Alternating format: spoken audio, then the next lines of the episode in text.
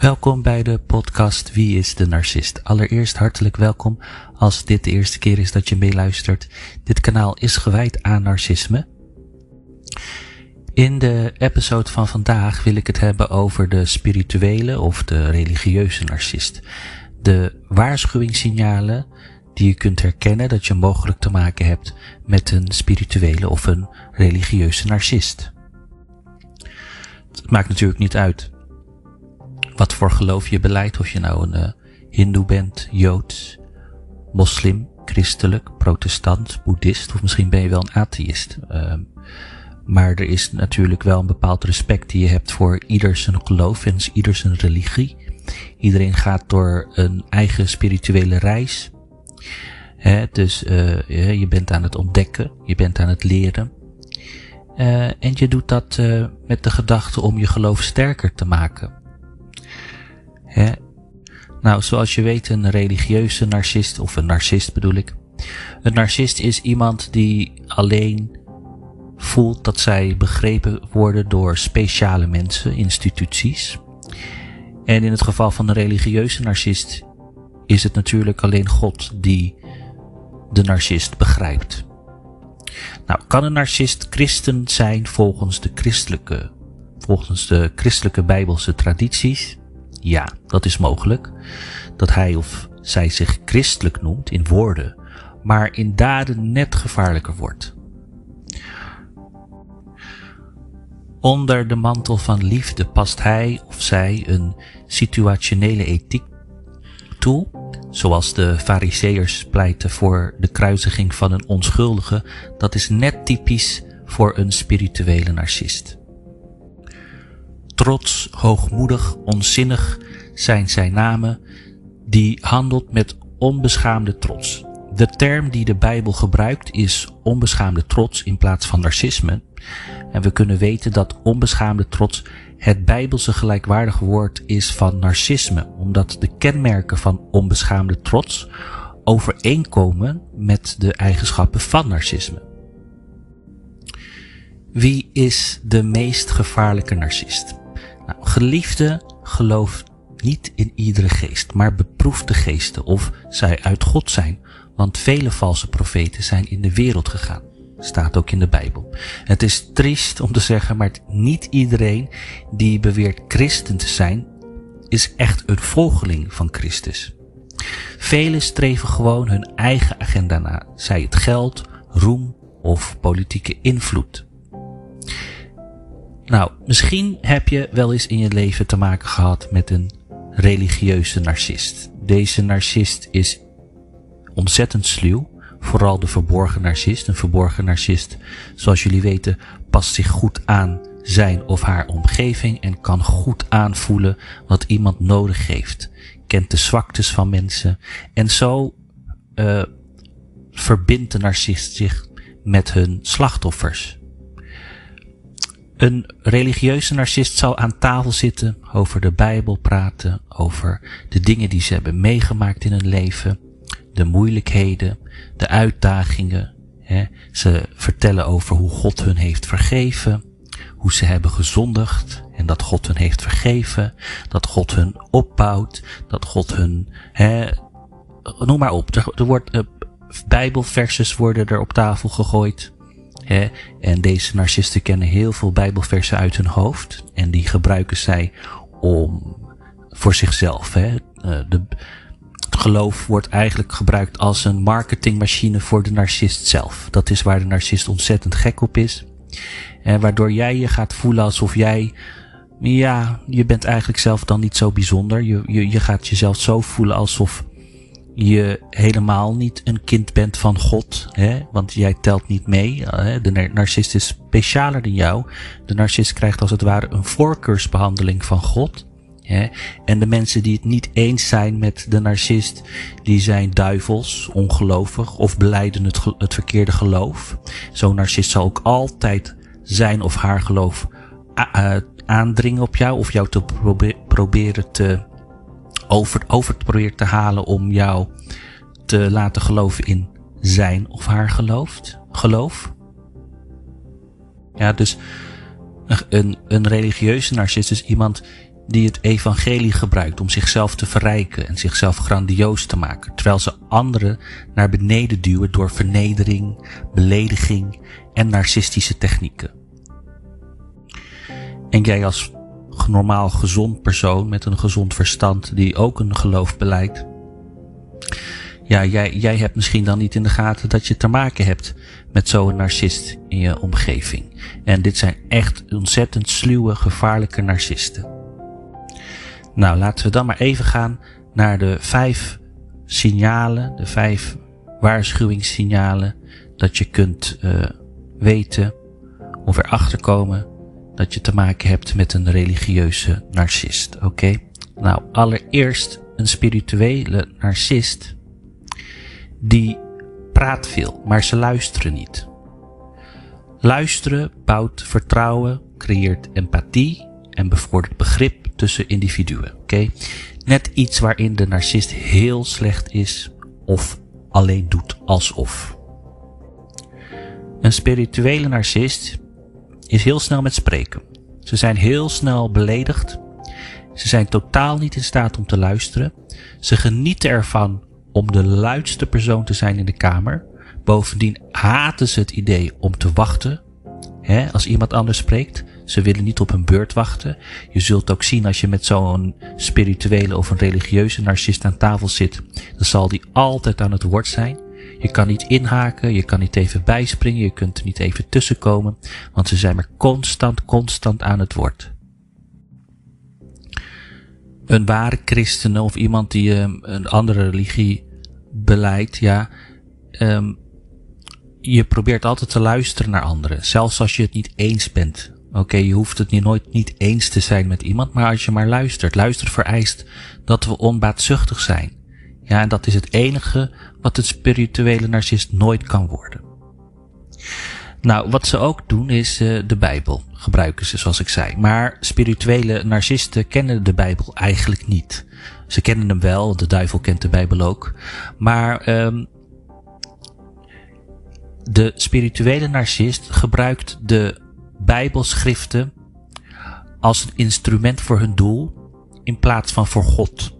Dat is, het, dat is echt een groot verschil.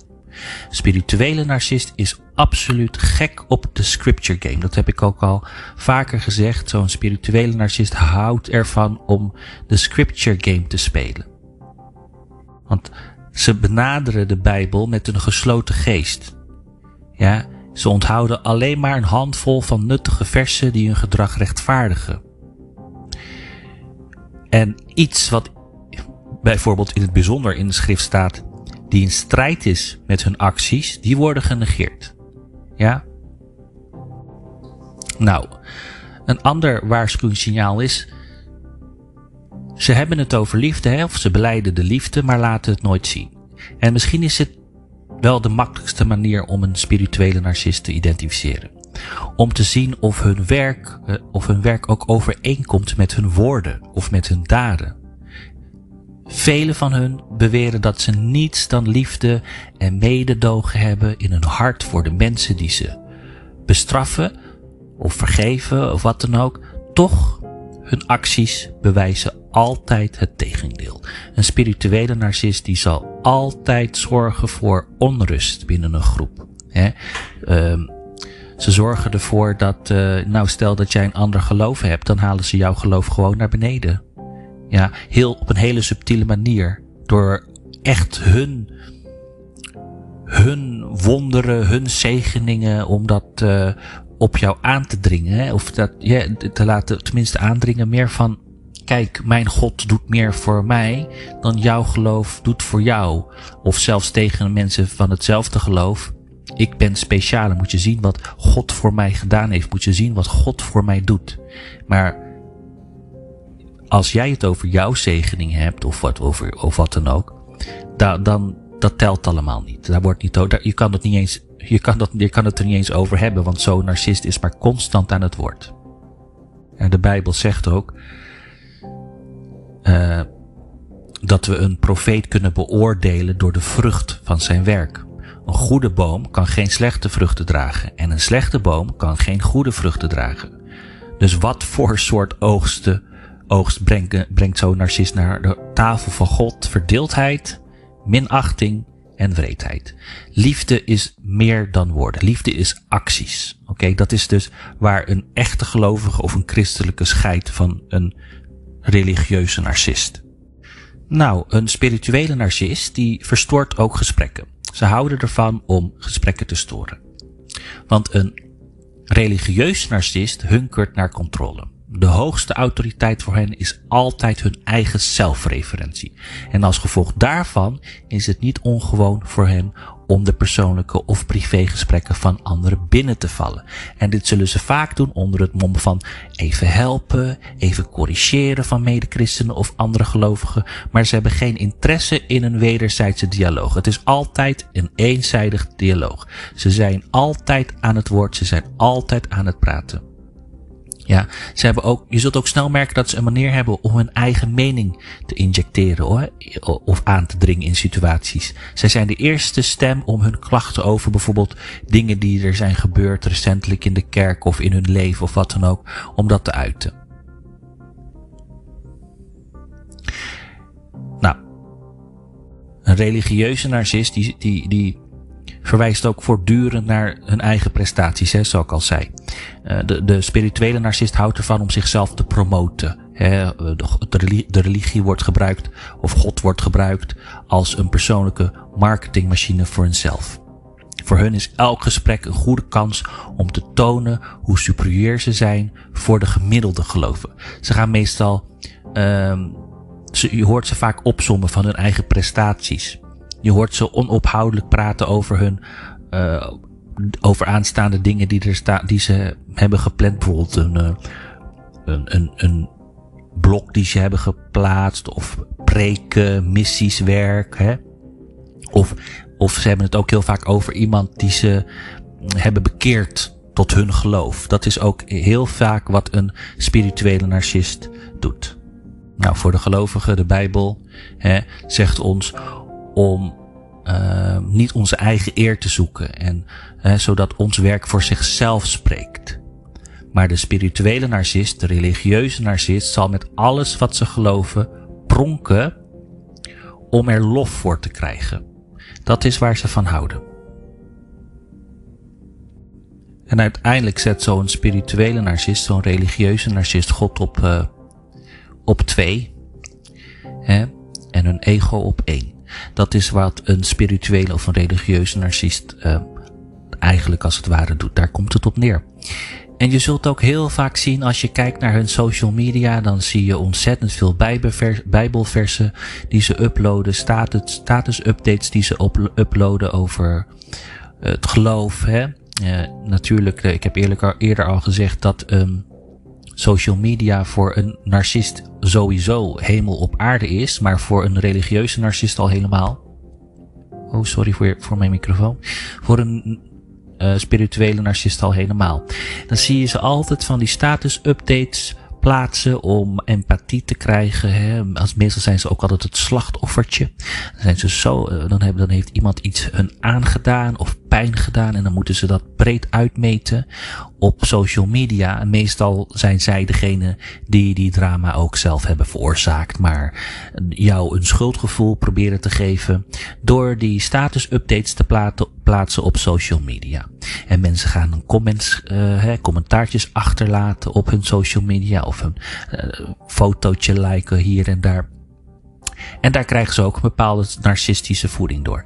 Narcisten zijn gek op social media. Een, een spirituele narcist, een religieuze narcist, zal ook altijd uh, zeggen dat uh, jij gestraft wordt. Hè? Of iedereen wordt gestraft die de narcist pijn heeft gedaan. En iedereen die gestraft wordt, dat zal ook gebeuren voor de ogen van de narcist. Nou, zo, zo werkt het geloof natuurlijk niet. Maar zo beleidt een narcist. Eigenlijk zouden ze het, zou de narcist een eigen geloof moeten krijgen, een eigen religie. Dat zou misschien uh, een heel, iets goed zijn voor, voor narcisten. Een eigen geloof hebben. Misschien narcisme, weet ik veel. In ieder geval, ja, dat komt gewoon even in me op. Ik moest het even zeggen. Um, maar ja, dit zijn dus eigenlijk ontzettend gevaarlijke mensen. mensen, het zijn geen mensen natuurlijk, het zijn duivels. zoals ik zei, de duivel kent de Bijbel uit zijn hoofd. En uh, als de duivel niet in jouw hoofd kan komen, dan sturen ze zo een spirituele, religieuze narcist op je pad. Oké? Dus, uh, en, en zoals ik al zei, ieder heeft zijn eigen geloof, ieder heeft zijn eigen religie, ieder gaat door een spirituele reis heen. Iedereen, uh, hè, die, um, ja, je, je, je gebruikt het geloof niet om haat te verspreiden, hè, want daar gaat het niet om. Je, gaat niet, je, je, je bent niet bezig om uh, haat te verspreiden of mensen jouw geloof, uh, jouw geloof aan te dringen op iemand anders of iemand te proberen te converten naar jouw geloof. Ja, dat gebeurt wel eens, maar uh, bedoel, uh, je moet natuurlijk geloven waarin je wilt geloven. Klaar. Heel simpel is het eigenlijk. Maar een uh, spirituele narcist doet dat natuurlijk ook om zich beter te voelen. Hè. Ze moeten een, een zelfbeeld ophouden, een, een imago ophouden. Hè, zodat zij uh, makkelijk kunnen infiltreren in, de, het leven van onschuldige, onschuldige mensen. En het zijn echt onschuldige mensen die zij gebruiken. Hè. Dus dan kan je denken van, oh wat een gelovige persoon heb ik wel voor mij. Hè? Maar goed, dat, uh, ze gebruiken het geloof gewoon ook om bijvoorbeeld hun zondes. Hè? Je ziet heel vaak dat zo'n zo spirituele narcist altijd dezelfde zonde weer herhaalt.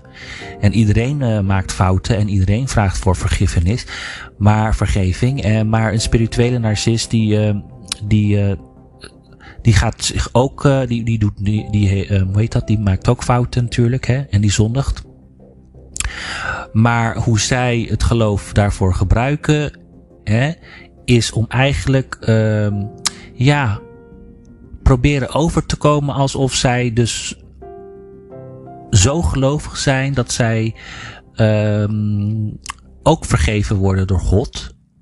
Maar ze, ze, ze, ze willen dus eigenlijk alleen laten zien dat God kan mij uh, alleen straffen. Alleen God begrijpt mij. God is de enige die mij ook kan vergeven. Dus jij als persoon moet niet gaan praten over wat de narcist verkeerd doet.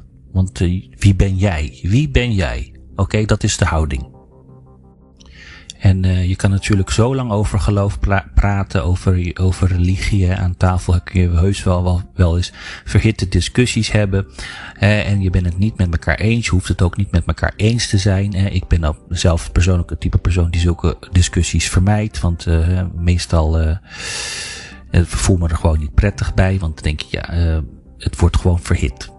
Maar met zo'n spirituele narcist is het anders. Met zo'n zo'n spirituele narcist die geeft jou het gevoel dat jij niks waard bent. Dus die heeft geen respect. En een gezonde discussie hè, heb je nog steeds respect voor elkaar of voor ieder, voor de mening van een ander. Hè, maar zo'n narcist die laat jou niet eens aan het woord. Alleen de narcist is aan het woord. Je komt er gewoon niet doorheen. Hè, ze zijn constant maar aan het praten, praten, praten, bla bla bla bla bla. En je komt er gewoon absoluut niet doorheen. En um, heel vaak zeggen ze ook gewoon, ja, je, je, jij gelooft in de duivel. Dat is ook heel vaak wat een spirituele narcist zegt. Dus, uh, nou, en daar wilde ik het dus vandaag over hebben, over de spirituele narcist, een religieuze narcist. En meestal als mensen zo een religieuze narcist in hun leven hebben gehad, hè, dan zorgt dat ook voor bepaalde, um, ja, hoe zeg je dat? Je, je, je groeit verder, je transformeert ook in, uh, in, jouw in, op, in, op jouw spirituele reis. Zo. Um, heel vaak zul je merken dat als je zo'n narcist in je leven gehad, een narcist sowieso überhaupt in je leven hebben gehad, ja, zo'n narcist uh, verandert jouw leven compleet hè, na, na narcistisch misbruik. Je verandert, je leven verandert compleet. Je zult uh, dingen meer waarderen, je werkt meer uh, hoe dat, sneller aan je ambities, aan je goals. Hè? Je bent ook wat meer zelfverzekerd. Je bent ontzettend allergisch voor bullshit en voor drama en voor weet ik wat allemaal. En je wilt ook niet dat mensen jou afleiden van jouw pad. Hè? Je gaat op een gegeven moment uh, mensen verdelen in bepaalde groepen. Mensen die, jou, die er voor jou zijn en die jij ook wederzijds ondersteunt. Hè? En jouw ambities en je goals.